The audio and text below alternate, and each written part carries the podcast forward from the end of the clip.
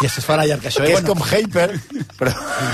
Vinga. Va la seva mare va dir, se m'ha mort el policia i ara compraré un Hyperman. Sí, sí. Un actor, vamos. Gaieman. Va passar de policia a actor. I entonces, els primers, els primers anys es va dir Guillem Ricard Calla, calla. Gaia. Però després va canviar una altra vegada Wagner. Wagner.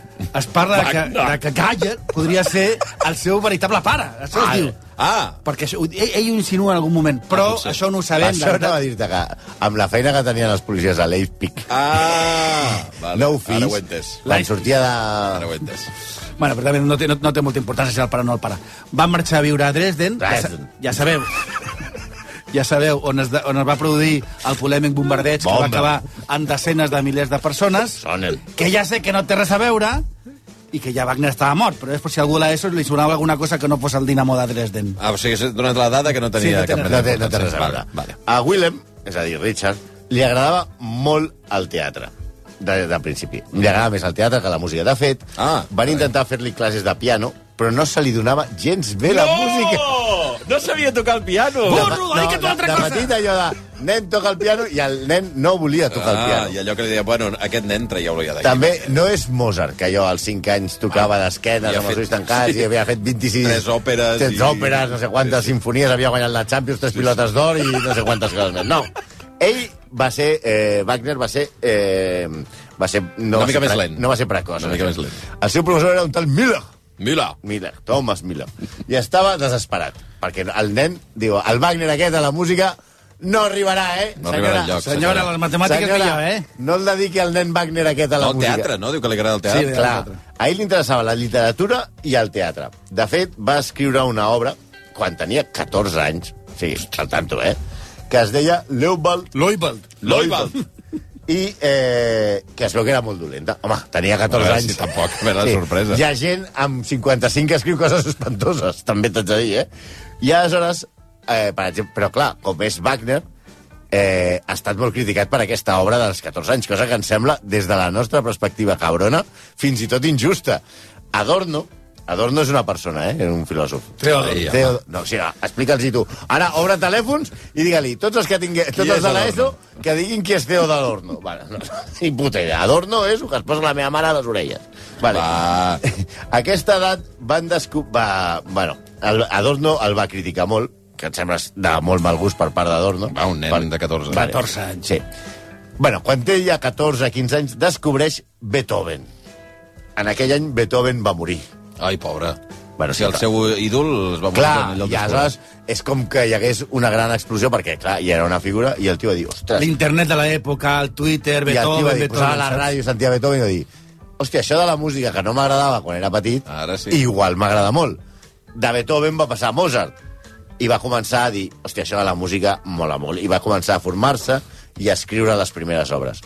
I amb 20 anys ja va dirigir... Ell era un artista bastant total, en aquest sentit de que feia els llibrets, eh, l'escenografia i la música. Amb 20 anys dirigia un petit teatre, per resumir, per resumir. I a més a més també li agradava molt mamar. Ah, Li agradava la música, el teatre, la cervesa i molt les dones.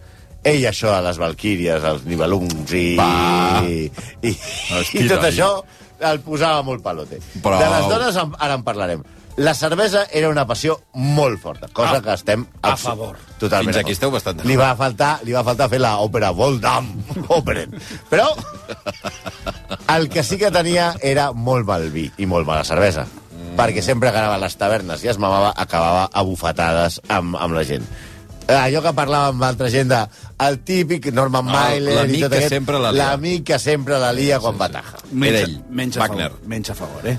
Bueno, Wagner, Guillem, s'enamora d'una actriu, Mina, que, per cert, també es diu Wilhelmina, és a dir, Guillermina, com Guillermina Mota. Guillem. Oh, Bueno, ha altres Guillermina. Guillem i Guillermina. Exacte. Guillem i Guillermina. I, però, però a, a Wagner la fidelitat, mira, no se li donava bé, se li donava malament. I van tenir una relació difícil. Van estar 20 anys, 20 anys, eh, Va, junts, Sí, la va, la va enganyar durant 20 anys. Sí.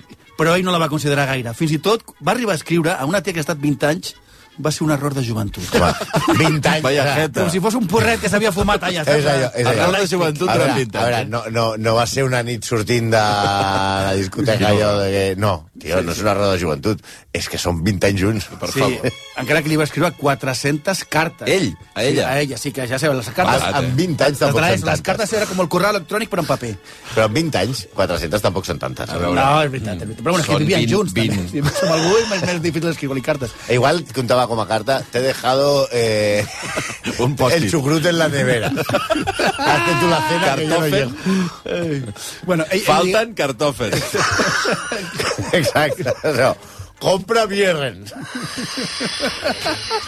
Ell, bueno, ell no va ser el millor marit, diguem-ne. Eh? Eh, la gelosia era molt gelós. A més, va acabar en la seva carrera d'actriu, perquè ell no la deixava actuar perquè es posava molt, molt gelós. També s'enamora... Aquest també és un cas molt paradigmàtic. Tios que s'enamoren d'actrius que uh, actuen i que són desitjables i que són símbols, I quan però es quan casen- es casen amb ells dius, ara ja no actuen més. Sí, ella, ella, la veritat, el seguia a totes les seves fugides. Ja veurem que ella ha de fugir molt. Sí. I fins i tot en una Más que d'aquestes fugitivo, eh? en una d'aquestes fugides, en un vaixell, eh, que, hi havia, que hi havia una tempesta, va perdre el fill que portava. Hosti. Que va ser el que ja no, no van tenir més. Va dir que no era la dona d'un famós compositor, perquè la prohibició d'estimar es va cancel·lar la seva primera representació i tenien problemes en, aquella època per representar les obres i molts fracassos. I molts problemes de pasta, com ja veurem. Sí, en aquesta crisi eh, que tenia amb la seva amb Wilhelmina, eh, Guillem, Richard Wagner, eh, va tenir moltes amants. Una, però la que es va enamorar molt, va ser de Mathilde Wesendonck. Wesendonck! Wesendonck. Wesendonck estava casada.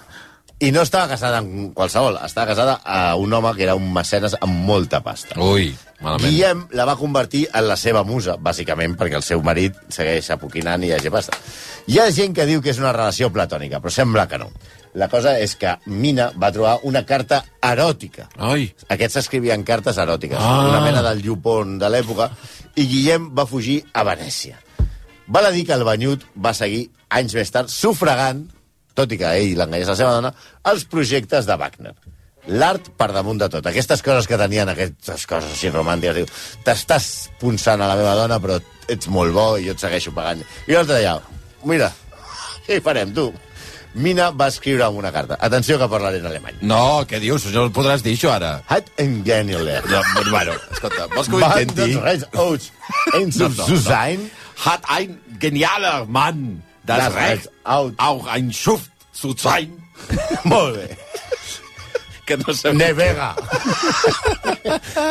Encara que tots els oients, gràcies aquí a la, al, al, al, a contribució. més balaner Gràcies, gràcies. I al meu més central. Gràcies. La, ho han entès. La carta que li va escriure la seva dona a Wagner significa ser un geni li dona dret a ser un fill de puta.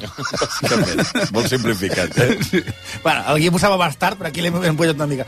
La tercera dona important per, per Guillem, i diem important perquè aquest senyor movia el llom més que un bonobo, eh? Diguem les importants, perquè hi ha moltes dones. És Cosima Bombulo, que és la... Eh?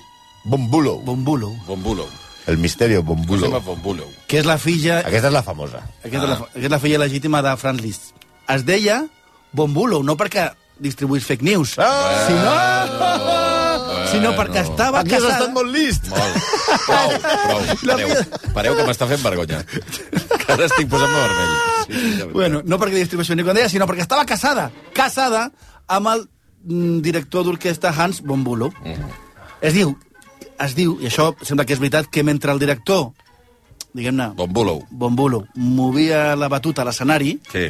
el que li posava a Guillem era anar al soterrani del, del, del teatre i moure també Bueno, la batuta sí, amb ja la està- dona de Bombulo. Ja està, ja està entès. Sí, no cal dir Ja, que- ja sense Mina, que l'havia deixat, doncs aquí es va centrar a- en, en Cosima, esa, cosi, esa Cosima linda. I el seu amor no la Ui, què us passa avui? El seu amor no la vaga. L'afer, l'afer, el, el romans, el idili, va passar quan el matrimoni Bulo i Guillem estaven convidat pel, això, atenció, perquè això tindrà més, més història, el rei Ludwig II de Baviera. Bueno, Aquest com, que havien fet que estava com una campana... Ah, home. Bueno, com el rei s'estrobés, en aquest cas seria Lluís II de Baviera. La relació va ser un escàndol, però Guillem mentia al rei tota l'estona dient que només eren xerrameques, no t'ho creguis, no és veritat. O sigui, anava mentint al rei, que el anava mantenint, una cosa terrible. Hans va trigar un bastant, però any més tard va concedir el divorci a Cosima, i Cosima va passar a ser de, de Cosima Bulo a Cosima Wagner. I s'ha de dir que Wagner, tot i tenir gairebé 60, va tenir tres criatures. El primer... Mira, com Ortega Cano. El primer va tenir encara Ai, com... no, aquella frase tan horrible, eh? Eh. Mi semen és de fuerza. Sí, por favor. Però el, de, el de Wagner, No, imagina't. prou. El de Wagner també. S'ha- Ciment. S'ha de dir que el primer dels tres nens el va tenir com que va trigar tant en donar el divorci quan encara aquesta dona estava Mm. casada en, en, en el senyor Fake News. I ja està, després tornarem a Cosima, que té traca. Per cert, eh, Lluís II de Baviera era el rei boig, eh? Sí. El que es va fer construir Sí, una... els palaus i tal, Ui, i, i li ui, va ui. pagar moltes coses. Ara parlarem de les coses que li va pagar... Lluís II. Exacte. Nägel Gold, steh auf Bling Bling. Eh, Florin. Dic un rei boig. Bling, bling amb Alemanya. Era, un. Era. li deien el rei boig, no? Eh, no, no, li deien el rei sí, però boig. això és redundant. Sempre redundant. II de Baviera. Prou, prou. Eh, aquesta cançó és Bling, bling en alemany, eh? A mi, mira, Willis sind am Start, Leute gucken. Bin ein bisschen wenig aus Zucker. molt bé.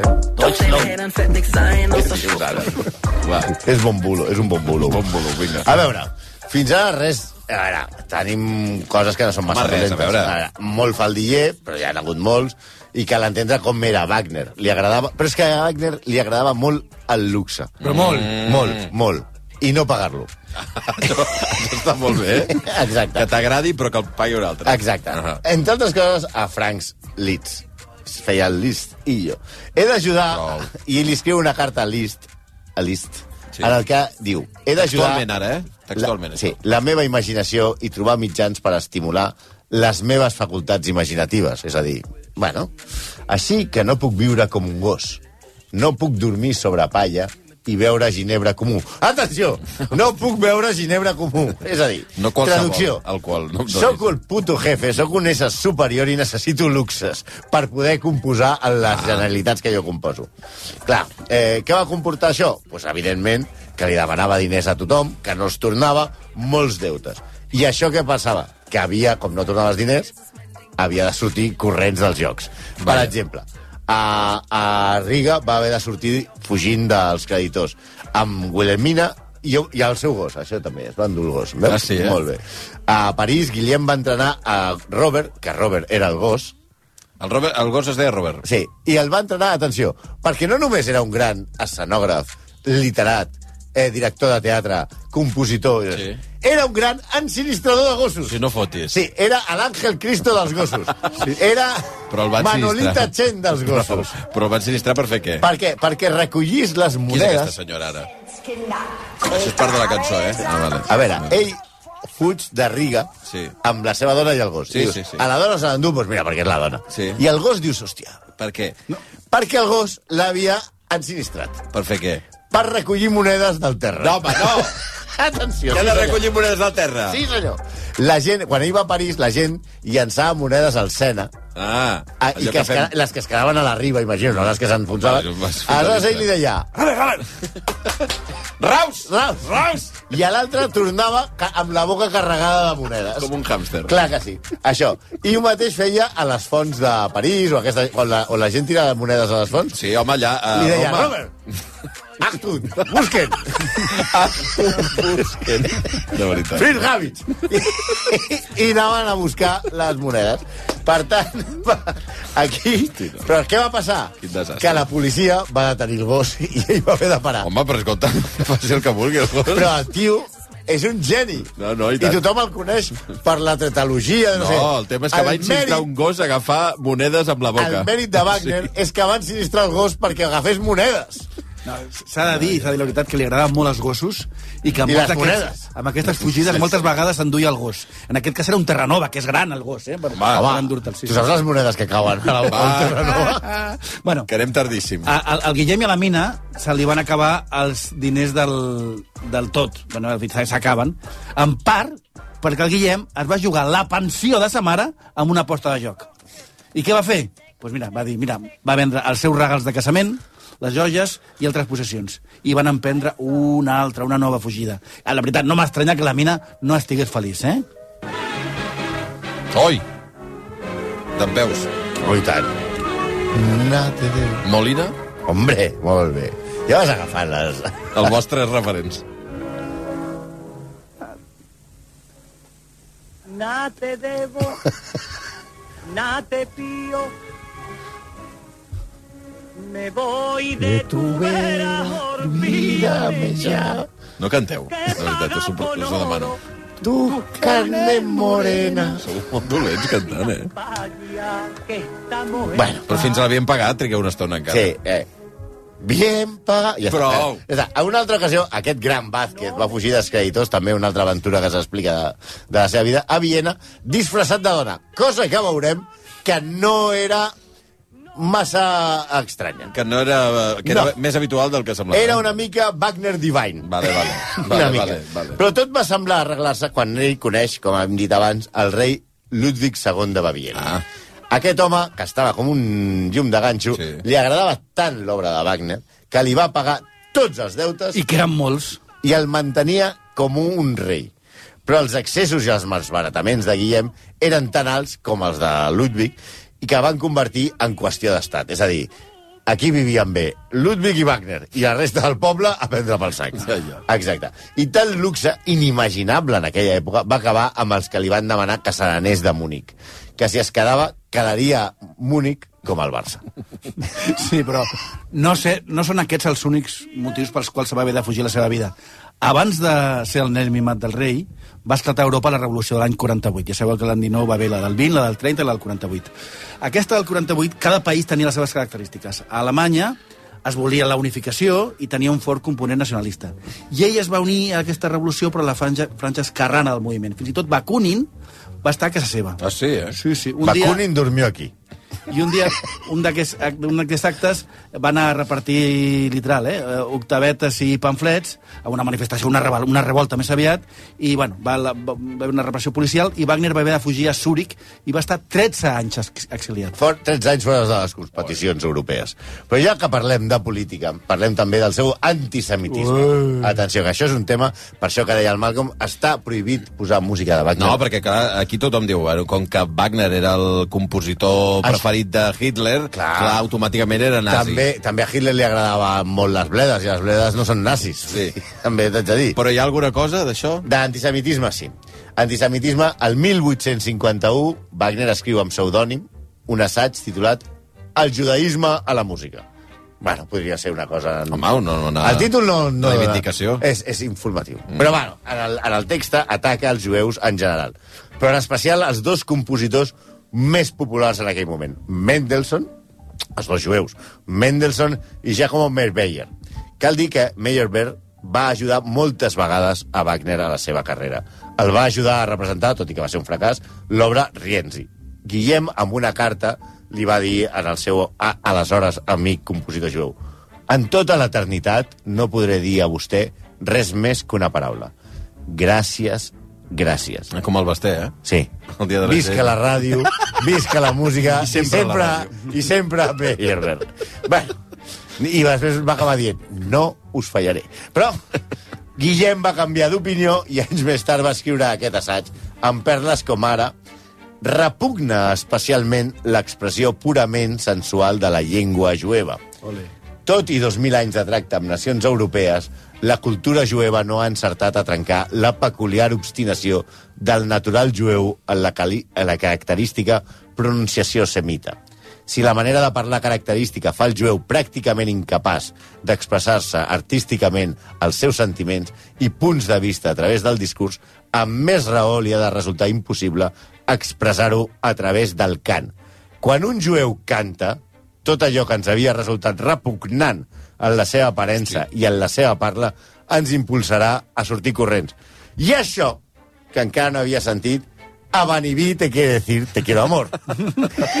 Això és Wagner, eh? Això és Wagner dient ell, sí. que els, quan parlen els jueus són repugnants. Oi, oi, oi. Sí, va fer una segona edició, una, una segona versió d'aquest pamflet, ja signada amb el seu nom, eh, en el que manifestava que ell havia esdevingut la víctima d'un autèntic complot jueu. La, contra, contra la seva persona i contra les seves noves creacions musicals. Segons eh, Admund Gessner, el Gassner. judaïsme a la música... Gesna. Gessner. Gessner. Aquesta a Sitges, sí que la, li podem dir Gessner. El judaïsme a la, a la música, eh, el llibre aquest, va perpetuar i va dotar d'autoritat aquest estereotip antijueu europeu. O sigui, que té gran importància. Sí, també hem, hem de veure la seva relació amb les dones. Ja hem vist abans que eh, era, era, era un espectacle. Fidel no era. No, però també diries, hòstia, doncs li, li agradaven les dones en el sentit sexual, però valorava les dones en atenció. Mm -hmm. Ell escriu un text també que es diu Femení en allò humà i Sí. escriu sobre la monogàmia. Diu, la més Sobre noble... la monogàmia, aquest tio, eh? Aquest tio escriu sobre la monogàmia. La més noble raça blanca, que d'aquí venen després altres interpretacions a posteriori, la més noble raça blanca se'ns mostra a la llegenda i a la història des de la seva primera aparició com a monogàmica, mentre que els conqueridors es barregen poligàmicament amb els vençuts, marxen cap al seu ocàs. És el darrer text de la seva vida, presumptament feminista. Feminista, com diu Àlex Ross, Wagner encaixa en el perfil de misògin en la seva conducta real, però no ho reflectia en la seva música. Perquè, clar, les valquíries i tots això són... Ah, sí. Ah, per si tots van a buscar la dona Ui. del seu amor i tot això. Cifral. Vaja, és com si Weinstein ens parlés de consentiment. Sí, una, una curiositat és que de, de, de Guillem és la passió per, la, com dèiem abans, de la ropa femenina. Va escriure una carta a una modista perquè li fes un vestit suposadament per a la seva dona. Llàstima que va donar les seves, les seves mesures. Ja, bueno, perquè s'assemblaven molt. Era, era Sí. molt detallat. Diu, El cosset haurà de tenir coll alt, de puntes i amb cintes. Les mànigues han de ser ajustades i el vestit portarà volants voluminosos del mateix material de setí. Serà molt ampli i amb cua ja el gipó tindrà un llaç darrere com el de davant. Segons Barry És a dir, Millington... que més o menys ho tenia bastant controlat. Sí, sí, com sí, volia sí, que fos sí, el sí. vestit És veritat. per la seva dona, cometes, cometes, cometes. Sí, sí. Segons Barry Millington, del Warner Journal, que no sabem què, què oient serà el Warner Journal, Jo estic subscrit al Corner Journal. Això, re, això recolza la teoria de que li agradarà transvestir-se.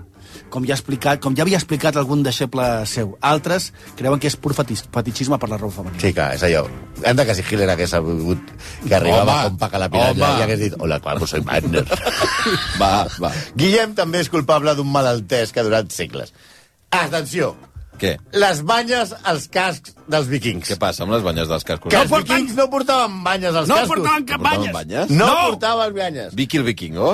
Vicky, t'has equivocat! Vicky. A mi no se sap si és un nen o una nena! No, t'has equivocat! No.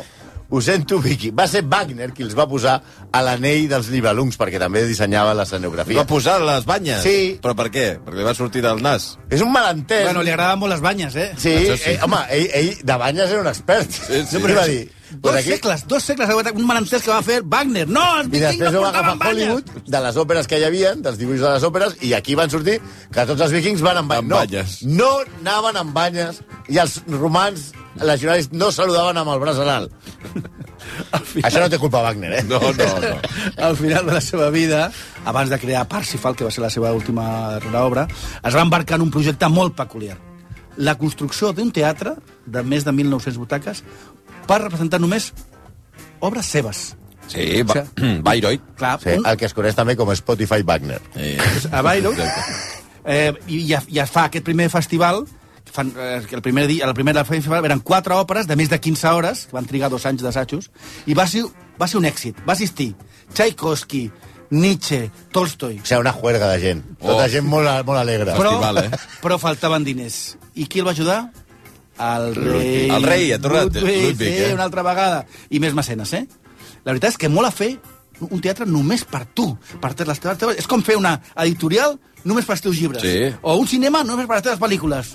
O el restaurant Mundo només per tu. Mundo Restaurant.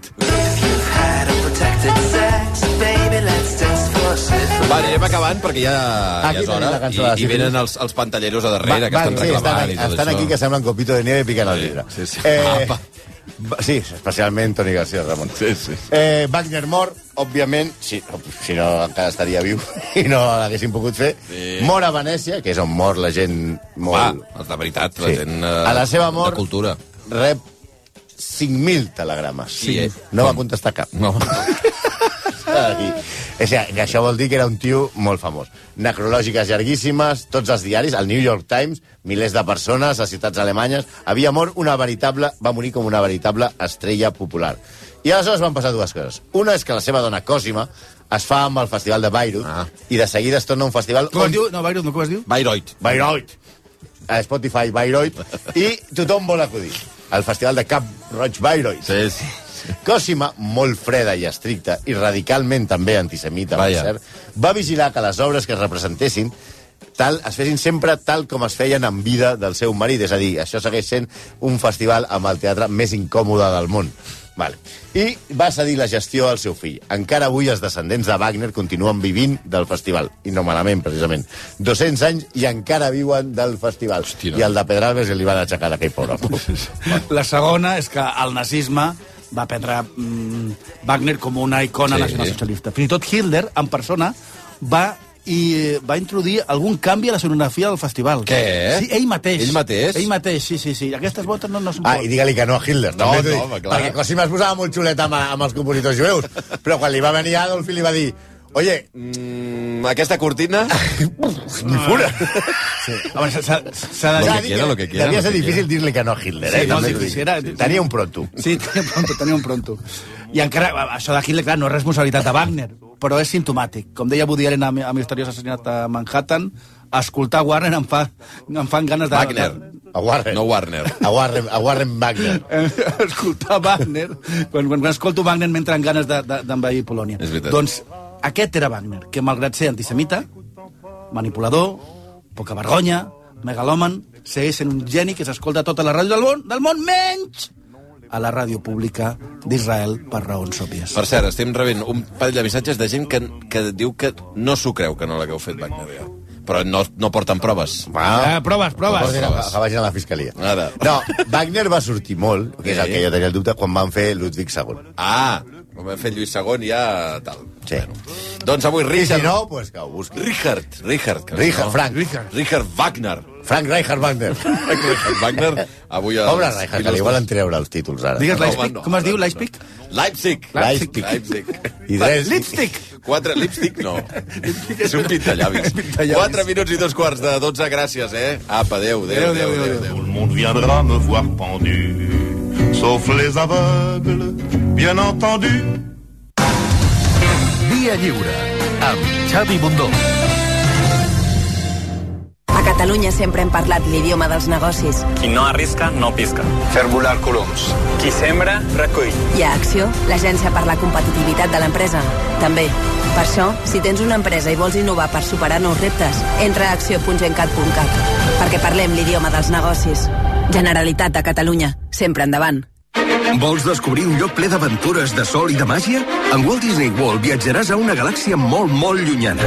Descobriràs el regne de la natura, viuràs la màgia dels contes de fades i tindràs el món a l'abast de la mà. Tot això i molt més en els quatre increïbles parcs temàtics de Walt Disney World Resort a Florida. Les vacances dels teus somnis. Reserva ara a waltdisneyworld.com i gaudeix de fins a un 25% de descompte en els hotels Disney amb entrades als quatre parcs. Vine a Walt Disney World volant amb Iberia.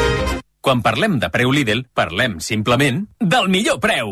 400 grams de filet de pollastre ara per 2 amb 59, t'estalvies un 21%. I la nostra sucosa pinya per 0,99 al quilo, t'estalvies un 31%. Lidl, marca la diferència.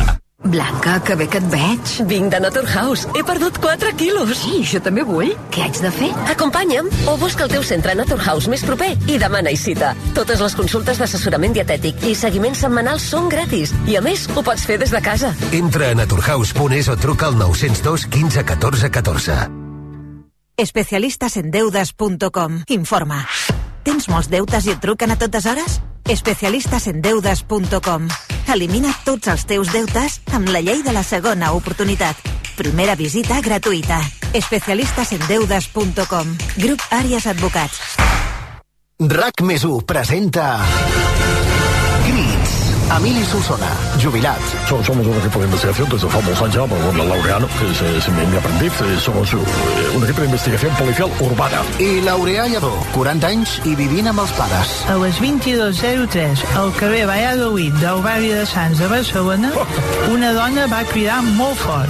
Tots dos formen un equip d'investigació criminal que busca casos on no n'hi ha. Ya sé lo que haces con tu mujer cada noche. tranquilo. ¿Eh? Cuando subes borracho. eh, o vas- ¿Qué me han dicho los vecinos? Si no ve. ¿Qué? ¿Quieres un maltrato? Ven, ven cap aquí. Crits, un podcast que posarà foscor a la llum. Cada setmana un cas a l'app de rac i a rac I divendres la resolució al versió RAC1. Crits, amb el suport d'Òptica i Audiologia Universitària per a joves d'un a 100 anys. Als 20, als 40, hi ha una edat per cada cosa. Una edat?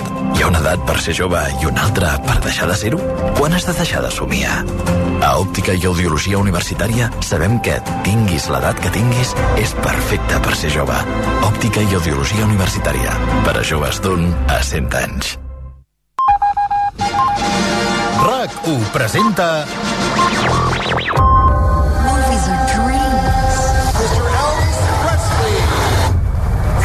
La gran nit dels Oscars.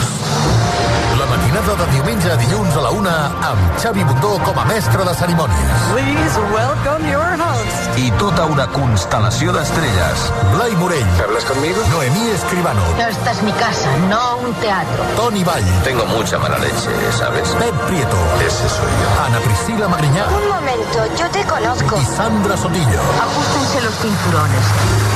Revivem un any de cinema en una nit de ràdio. Aquest diumenge a la una viviu la nit dels Oscars. També els fans? A RAC1. Tots som... The Oscars. A RAC1. Via lliure. Només els caps de setmana amb Xavi Bundó. Dos quarts de, de 12 del, del matí. Eh, ara de seguida anem amb pantalles, eh? Hola, Toni, hola, Blai, hola, Òscar. Ei, què tal? Bones hores, eh, per començar, oi que sí? Sí, és la una quasi ja, eh? Us veig Sí, contents, sí, sí. veig contents. Sí. Bueno, és que m'acaba d'arribar una informació boníssima aquí ara. Que això s'ha de comentar. Quin, el partit de Blai? Home. Però com s'ha amagat durant Aquí tot comença- aquest temps? però aquí comença- perdona, no se m'ha fa preguntat. Un mes, fa un mes que se, que se sap de l'afer Enriquez Negreira Sí, sí. i ara pots aportar una dada Bueno, una exclusiva. exclusiva. Exclusiva. Exclusiva. A mi em va arbitrar Enriquez Negreira. Oh, bravo!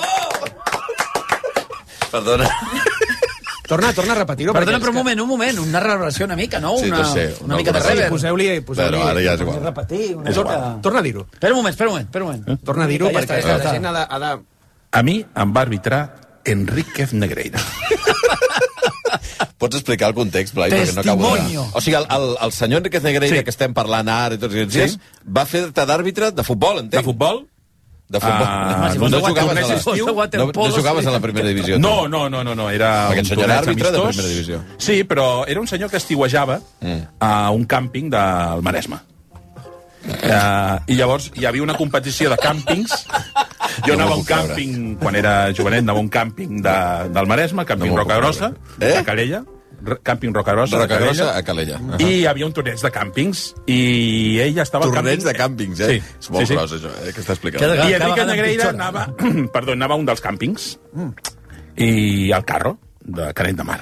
Càmping El Carro de Canet de Mar. El carro. I la final va ser al càmping... L'estem veient ara, la 324, eh? No anava vestit així, no anava vestit així. Anava vestit, aquest- anava vestit de carrer, no? Amb Bueno, no, no, una samarreta amb bambes, no, no anava... Amb bambes, eh? Sí, no. Vull dir, no anava bambes, així com de... No, no, no, no, no, no, i no anava no tampoc... anava de negre. No, i tampoc no anava amb banyador, per No, exemple. tampoc, no. Una mica una Anava cosa... pantaló curt, calça curta... Va fer un bon no. arbitratge? Eh, bueno, va escom... ell va escombrar una mica cap a casa, però, Jugava- es jugava, però no. es jugava a Canet, entenc. Eh, sí. Casero, casero. Però va guanyar l'equip visitant, que eren nosaltres. Oh! Malgrat Negreira, eh? Malgrat Amb una Negreira. actuació estel·lar teva, no? Bueno, jo era el porter de l'equip titular. Ah, sí? Sí, sí, sí. Què? L'equip titular. Tit... titular. Era El porter. el porter titular de l'equip. Hi havia un Va fer moltes, suplent. va fer moltes... Unes quantes, sí, sí. Jo, fe- jo, era, jo era molt palomitero, eh, en aquella època. Vale. Sí, sí, era bastant... Ostres, era un porter d'aquests actius, El titular del dia, eh? Aquí on De em veritat. veus... Una mica Estic- Víctor, aquí Víctor, entre Víctor I Vallejo no vas veure res estra... I no vas veure... Perquè això de quan estem parlant? Uh, mitjans finals dels 80. Finals Encara estava en actiu, 80. eh, Enrique Negreira. Estava en actiu estava en d'àrbitre professional de primera divisió. I va venir a rebentar els xavals aquests aquí al Era aquella època que a l'estiu encara... No, la temporada no començava el 20 de juny. Tu vas, not vas notar alguna cosa estranya?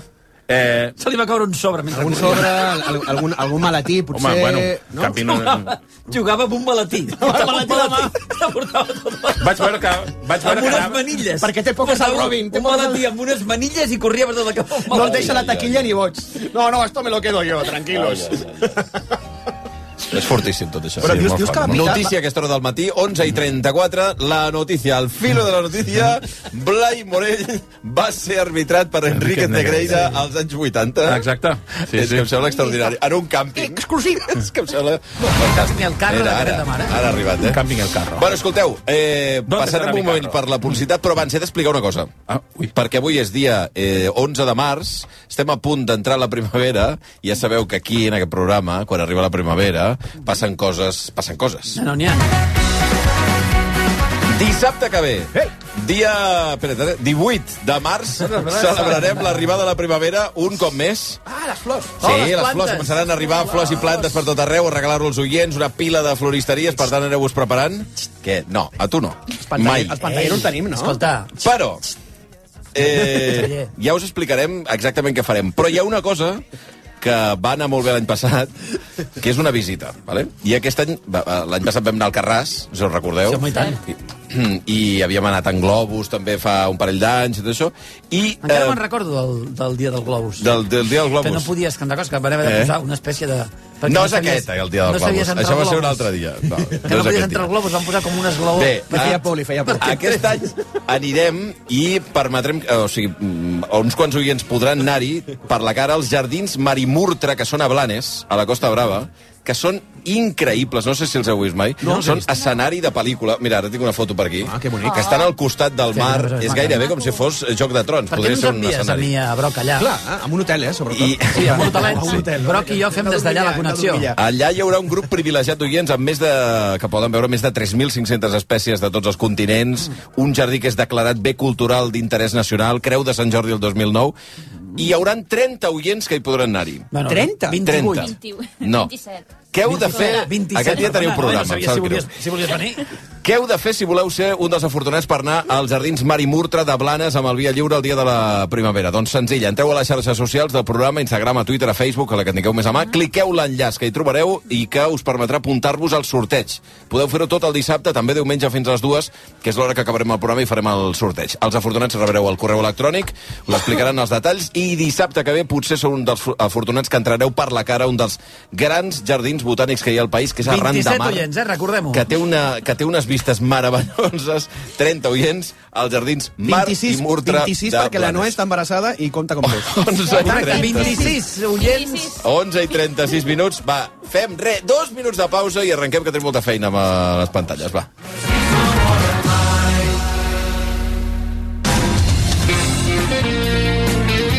RAC1. Fa tants anys que es fan campanyes de reciclatge que tothom ja sap que les restes de menjar i de jardineria van al contenidor marró. Aquesta campanya és només per recordar que tan important com saber això és saber que cal dipositar-los dins del contenidor marró. Cuidar el nostre planeta comença per cuidar la nostra ciutat. Cuidem Barcelona. Ajuntament de Barcelona. Prepareu-vos que ve ja s'apropa. Ja arriba l'alegria que passa, l'últim musical de Dagoll de Gom. Dansa, música i teatre es fusionen per acostar-nos al primer gran èxit de Santiago Rossinyol. L'alegria que passa de Dagoll de Gom al Poliorama. T'emocionaràs. Vins de shopping i et quedes pels sopars. O pels dinars o els pica-pica. Perquè a Viladecans de Style Outlets pots venir de compres a Nike, Guess o Adidas i acabar el dia a Five Guys, Grosso Napoletano, Starbucks, Sushi Som. Vine a Viladecans de Style Outlets i gaudeix d'un pla rodó de dilluns a diumenge. Abel Folk, Llum Barrera, Roger Coma i Laura Porta protagonitzen Una teràpia integral de Cristina Clemente i Marc Angelet al Teatre Goya. Una comèdia plena de sàtira que traça un afilat retrat de la societat actual i els seus gurus de l'autoajuda. Aquest cop no t'ho pots perdre. Una teràpia integral. A partir del 15 de març al Teatre Goya. Compra les teves entrades a teatregoya.cat i a promentrada.com. Què fas per Setmana Santa? Una escapada rural? Viatges amb la família o t'escapes amb amics? Vols gaudir de l'aire lliure i l'enoturisme? No cal triar. Al Penedès pots fer de tot. Descobreix espais únics, visita cellers, passeja entre vinyes i desconnecta als wine bars. Reserva d'activitats i idees per la teva escapada a penedesturisme.cat. Una mica més gran que Sicília i més petita que Suïssa, Taiwan és la perla de l'Indo-Pacífic. Una alteració del seu statu quo canviaria la faç del món. Serà Taiwan la Ucraïna de demà? Vanguardia Dossier respon a aquesta pregunta a la seva nova monografia. Ja a la venda a quioscos i llibreries. Vanguardia Dossier. Anàlisi per tenir opinió.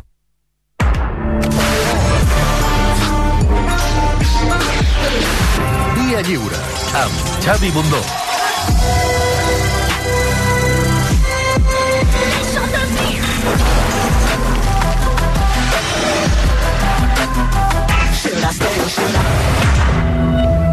Cinc minuts i tres quarts, que us ha agradat, eh? Sí, aquest mix, ens ha encantat. Qui ho ha fet, això? Qui ho ha fet? Josep Maria. El Josep Maria és Déu. És Déu. És, Josep Maria és Déu. No, i és un altre. Josep Maria Déu és un periodista... Josep Maria Déu és un, però el nostre Josep Maria és, És Déu. és Déu. Què, he- què he dit? S'embolicarem. bueno, arrenquem perquè demà és el dia de la gala, ja, eh? Demà és el dia dels Oscars, eh? A veure... Ah, no, que jo he de fer... Perdona, perdona, perdona. Fem les adaptacions normals, és veritat. Sí, home, clar, he quedat aquí. De veritat. No, eh, minuts i tres quarts. No, és que comences, tot, i ho hem de cinc fer minuts i tot, tres són quarts gairebé de tres dotze. quarts. Ell no se sap el guió. Prou. 500 años haciendo radio. Ahí está Javier. La frase era... Javier Bundón. Si, si tienen que rodar cabezas, rodarán. Pero esto es una mierda. Javier, ¿te gusta la radio? Te gustava. Blai Morell, bon dia. Bon dia. Òscar Broc, bon dia. Bon dia. Noemí Escribano, bon dia. Bon dia. Toni Garcia, bon dia. Bon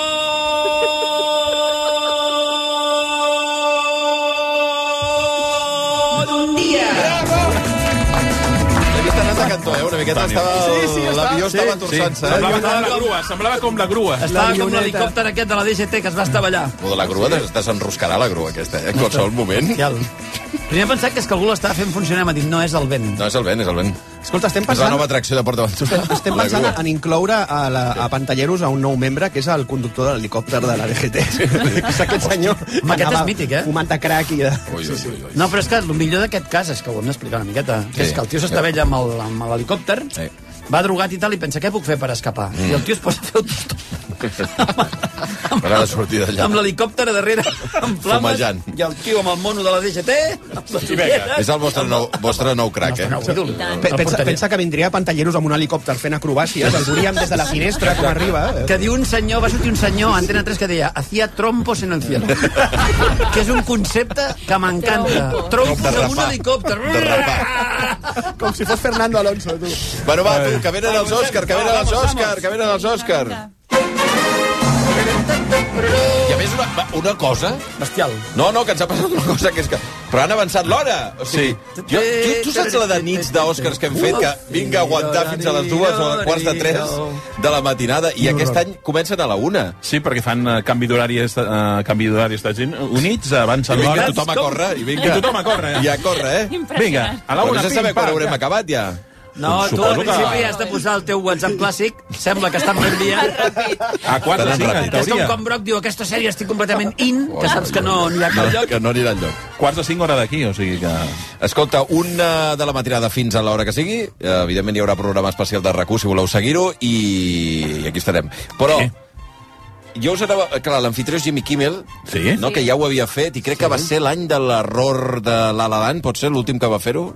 Pot ser. Oi? Sí. Sí. Va fer una gran gala, crec que recordar, que els Sí, que estàvem aquí. de consecutives. Una gran gala molt Sí. ben executada, Sí. molt ben... Bo. I, i la, la Sí. cagadeta final aquesta Sí. de- d'equivocar-se...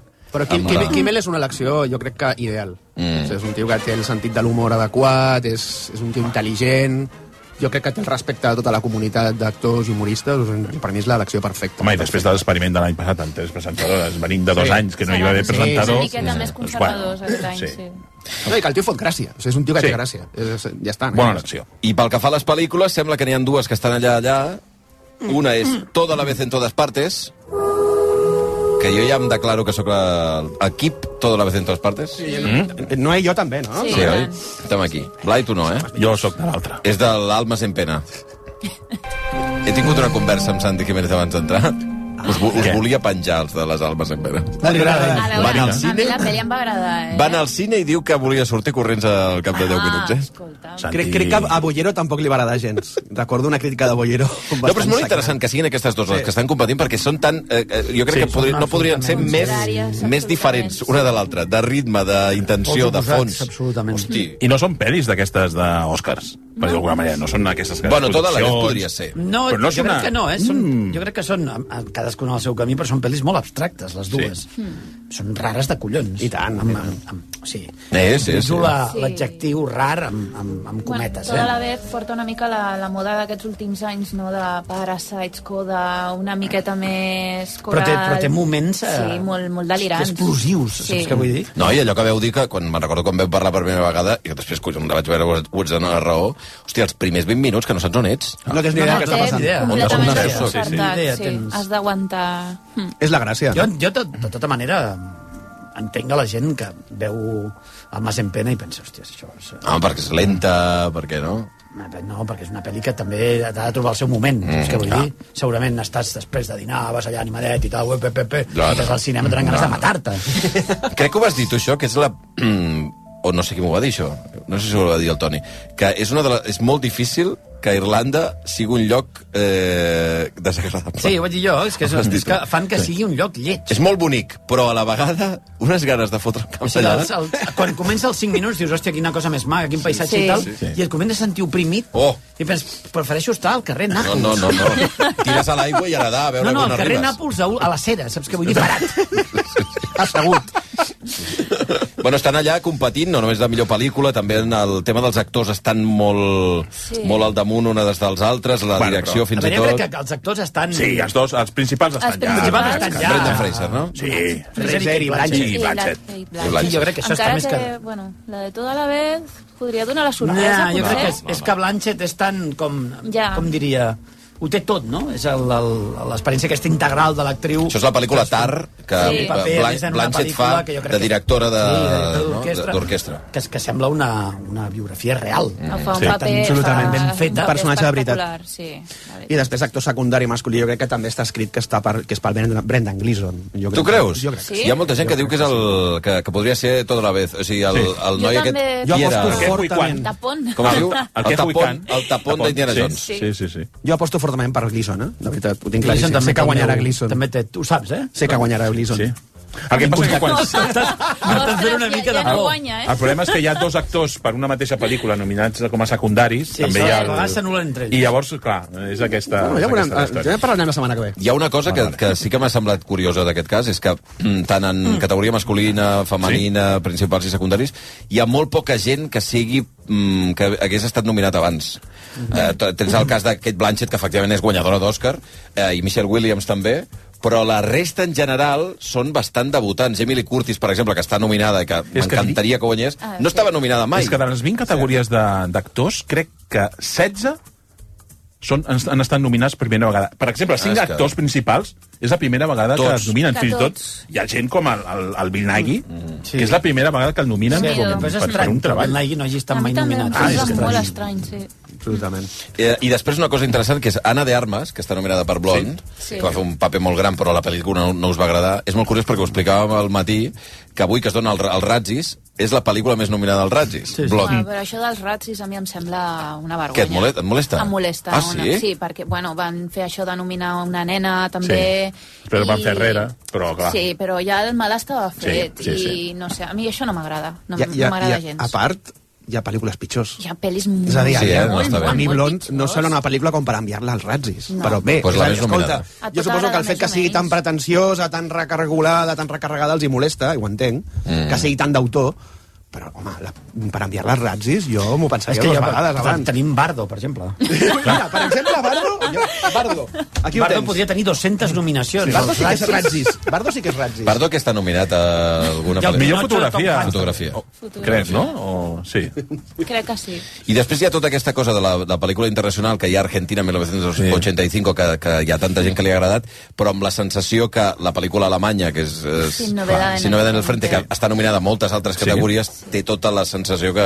Una pel·lícula que s'ha- odien els crítics alemanys, que és una cosa molt curiosa. Els ha molestat molt. Molt, perquè diuen Està situada a la Primera Guerra Mundial, no? que... Sí, però que diuen que adapta un llibre i que traiciona completament l'esperit del llibre, que no té res a veure, etc etc. L'han posat a parir. O sigui, una mica la- l'efecte aquest que a vegades... Pel·lícula molt dura, eh, també. Molt, molt dura. Però, mira, Fantàstica, el, que, el que molt podem fer és, Molt. és, és enviar un consell complicat, però que no llegiu el llibre. És a dir, ja està. Així gaudireu de la pel·lícula. Mm. Ja està. És així, és així de fàcil. No llegiu mai els llibres de les pel·lícules. No aneu a veure les Intenta pel·lícules. dir-ho en alemany, Broc. Se'n fa Handen, 10 minuts, de veritat, avui tenim un dia de la...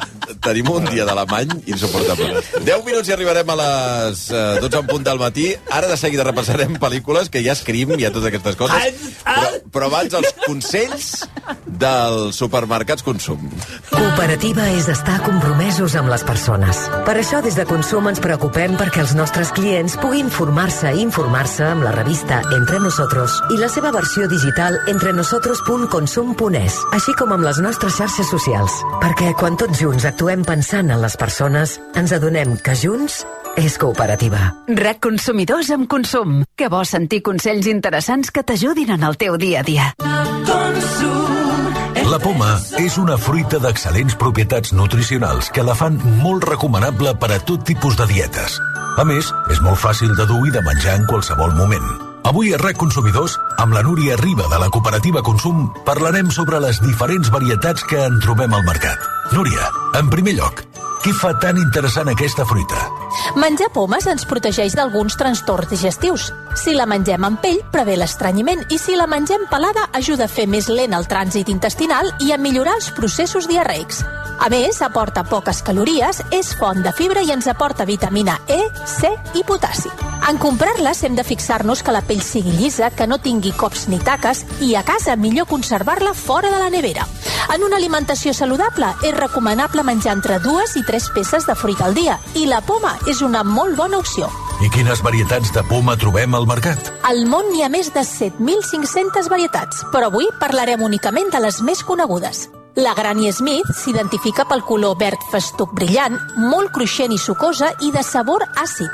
És ideal per preparar pastissos, ja que es realça el seu sabor, que combina molt bé amb el sucre, la mantega i les espècies. La Golden Delicious, de color groc quan està al punt de maduració, té la pell fina i cruixent i un sabor dolç.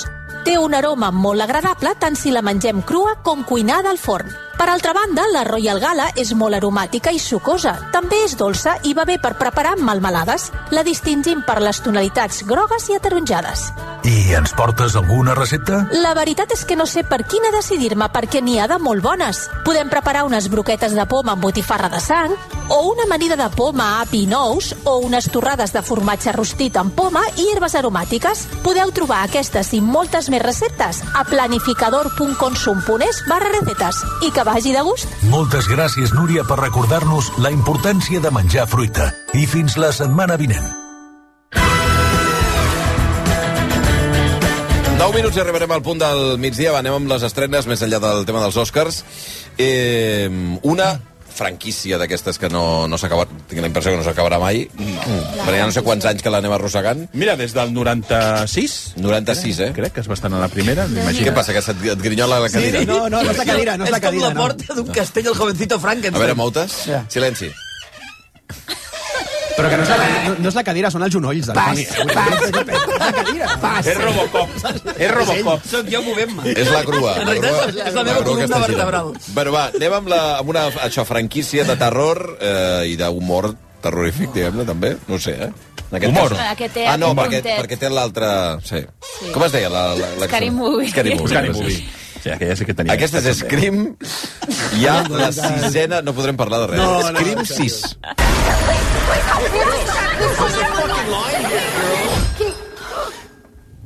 Es continuen veient màscares, eh, d'Escrim? I tant. Sí, no, i clar, és que És s'ha una icona convertit, eh, cultural, és- algo A veure, ja ha, quedat, ja ha quedat com un emblema de la cultura pop. Totalment. crec, la Sí. màscara. Sí. Absolutament. Eh, Jo crec, que- és que crec que molta gent la té a casa per, i tot pels crius. Sí. Sí. Els crius se la posen en Halloween, suposo que sense saber que pertany a un assassí sanguinari, però bé. Sisena pel·lícula d'Escrim, està bé? Uh, per mi sí. Per mi sí, agradat, perquè eh, Blai? veníem d'una cinquena part que era, sincerament, era molt fluixota. Torrota. Molt. Dolenta. Era molt fluixa. Sí. Sí. A més, era, era més una pel·lícula sobre Scream que no una pel·lícula de terror. Mm. I això a mi em molestava, perquè, hòstia, en el fons, tu vols veure una pel·li de terror, tu vols veure ja sang i fetge. La saga sempre ha jugat en, amb aquest element meta. Sí, sempre. i aquí també juguen, eh, amb aquesta, amb aquesta pel·li. Perquè des del Però principi ho deien, no? Eh, que- És que ja no me'n recordo molt de la primera, però la Scream 1 ja deien que els passos a Les seguir... normes per sobreviure Clar. a una pel·li de terror, què no has de fer, què has de fer, i això s'ha anat, ha anat mm, augmentant en totes les pel·lis que han anat fent. Llavors, a la cinquena part, el que feien era un- unir el, repart el repartiment original amb un repartiment nou, i aquí ja el repartiment original ja queda bastant de banda. De fet, només n'hi ha una de les, un dels tres protagonistes de, de, de, la primera, de la primera nissaga, per dir-ho d'alguna manera, que és la Courtney Cox, i la resta tots són nous. I el que fan aquí és fer eh, canviar l'acció, el lloc de l'acció, no passa a Woodsboro, que és, era la, el poble on transcorria tota l'acció de les pel·lis de, de Scream, i se'n van a Nova York, i això jo crec que beneficia la pel·li, i després del fet de que sigui una pel·li amb molta més violència que la resta de pel·lícules, va molt més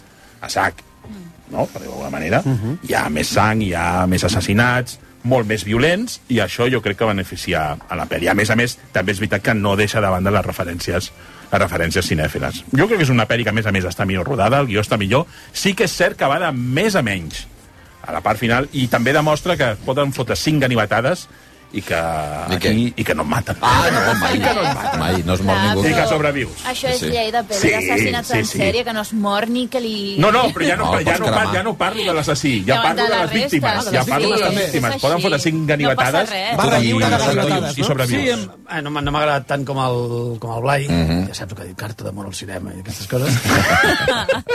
em sembla que el fet de que sigui menys autorreferencial l'ajuda ja, perquè ja estic una mica fart del el joc del joc del joc, el me, la metapel·lícula de terror, i demostra bàsicament que és que el cinema de terror és... Eh, o sigui, és, és, és, o sigui, no el pots matar. Sempre torna, és un cinema que funciona molt bé a les sales. Que a és la, barat, A la, de gent, fet. a la gent li agrada el gènere, però és veritat que a, a nivell, diguem-ne, com més gran, no? com més crític, com més de... Bueno, el cinema de terror sempre ha sigut una mica el, la, la cosa petita, però sí. a Sí. nivell de públic a la gent li encanta anar a passar por i mira, els resultats de taquilla han sigut els interessants de tota la franquícia. Ah, sí, a eh? nivell de crítica és com una mica el gènere pària, per dir-ho d'alguna manera, Mhm. però a nivell... Sempre hi ha tots els anys una pel·li o dues pel·lis Sí, que han sí. estat un fenomen. O no, més. no, Sí, no vam sí, parlar de sí. Terrifier, però aquest ha estat un fenomen brutal. Truquen per No, telèfon? i tenim- i tenim- Truquen per telèfon o ja no? En aquesta saga d'escrit. Hi ha trucada. Sempre. Hi ha trucada, eh? trucades, Sí, sí, sí. trucadetes, sempre. A, la, la, la primera escena, més, que jo crec que s'ha convertit en marca de la casa. Clar. Hi ha d'haver aquesta- la trucada. El que passa que és diferent de la resta de pel·lícules. what's your favorite scary movie? Va, anem per la segona de les estrenes, en aquest cas una pel·lícula a sales que va passar, no, va passar per, per, Sí, per sí. Venècia, triomfant a Venècia. Lleó d'Or, Es van dur el Lleó d'Or i es diu La belleza i el dolor. Photography is like a flash of euphoria. And gave me a voice. M'imagino que no diràs que està malament. No, no, està bé. Està bé. No, està bé. no és una pel·lícula, eh? És, Està bé. és un documental. És un documental, sí, sí, Comencem és un aquí, eh? documental. Doncs No sé si la gent, són pel·lícules, també, no sé si la gent se'n recorda d'aquella minissèrie que van comentar en el seu moment de Dopsic, que era aquella boníssima. protagonitzada per Michael Keaton, que explicava la història d'aquella... La crisi dels opioides. Ah, exacte. A l'Oxycontin. a, en clau de ficció, tot i que es- estava basada en una història real, doncs d'alguna manera aquí es toca el tema perquè la protagonista, que és una artista, una fotògrafa, la Nan Goldin, doncs eh, va ser víctima d'aquests opiacis. I el que fa és explicar no només el seu activisme contra aquesta gent, el Sackler, El Sackler, contra aquesta família família, propietaris de la farmacèutica, sinó que, a més a més, el que fa és aprofitar doncs, eh, per explicar la seva història, la seva vida, una vida doncs, bastant dura i bastant Agitada. tumultuosa. Una vida que ens porta a, a la contracultura del Nova York dels anys 70 eh, i també dels 80 i amb tot el que va suposar allò per, eh, pels seus integrants. Recordem que als 80 apareix la sida i comença a matar mm. moltíssimes persones i això també ella ho combina amb fragments de la seva vida, que és una vida turbulenta, és una vida duríssima, amb una família desestructurada, eh, etc. No vull explicar més perquè la gent ho vegi. Eh, I tot això a la vegada es combina també amb aquesta crítica, aquesta obsessió de la, de la, de la fotògrafa, de, de l'Anna Golding, per ser una fotògrafa reconegudíssima al món de l'art, eh, aquesta obsessió contra Purdue Pharma i contra la família Sackler, perquè ella va patir l'addicció a Oxycontin i ho va patir de veritat. I com ella fa performances a diferents museus eh, per exposar les vergonyes de- d'aquesta d'aquesta empresa. Eh, I per què dic que fa performances a museus? Doncs perquè els Sackler eh, netejaven la seva imatge eh, apor aportant donacions molt sucoses als principals museus del món. Clar, clar. I fins i tot n'hi havia alguns que havia sales senceres amb el seu nom, amb el nom de Sackler. I el que aconsegueix aquesta fotògrafa a base de fer aquestes performances i a base d'aquesta insistència, doncs aconsegueix que els museus eh, rebutgin, comencin a rebutjar les donacions i els diners i els diners del I Sackler. fins És a i tot alguns d'ells eh, doncs, retirin el nom del Sackler de- d'aquestes sales. És molt interessant això, perquè els Sackler eh, se salven eh, d'anar a la presó eh, perquè tenen molts diners, però almenys la batalla que ella guanya és aquesta batalla de que els museus deixin d'acceptar diners d'aquesta Sí, sí, si sí, gentussa. Si voleu mirar Dope Sick, Mm. Sí. a la Sí. sèrie de Disney Plus, ho expliquen força, ho expliquen força bé. Tot això, vull dir, com un... em, em quedaré amb seria- la sèrie sempre, Sí. sí. Com un, fi, com un complement, però a mi el documental em sembla molt, molt interessant i sobretot aquest retrat de la contracultura neoyorquina Molt, i molt, com al molt. principi del SIDA el govern americà fa tot el possible per, per dir que allò no, Reagan. no saben què és, no, ho tenen, no tenen clar, que podria ser una cosa que no saben d'on ve, etc etc. Mhm. fins que hi ha un reconeixement de que hi ha una enfermedad que és una plaga, però a mi em sembla bastant fascinant el documental. A mi el que m'ha passat és que m'ha semblat una mica erràtic, perquè... És que parla de moltes coses. La Sí, part sí de, de la vida d'aquesta Mm. fotògrafa em sembla molt interessant, tot això de la, de la contracultura que dèieu, em sembla que la part de la seva vida em sembla super interessant, però això va intercalant-se amb tot això de, de la, dels museus i no porta un ordre cronològic i al final és com, vale, les parts que m'interessen són les altres o potser si ho haguessis portat d'una manera més cronològica hagués estat com millor. Em sembla una miqueta enrebaçat i jo crec que això per mi perd una mica, però sí que és, és molt interessant. Mira, punt del migdia. Eh, per tant, la pel·lícula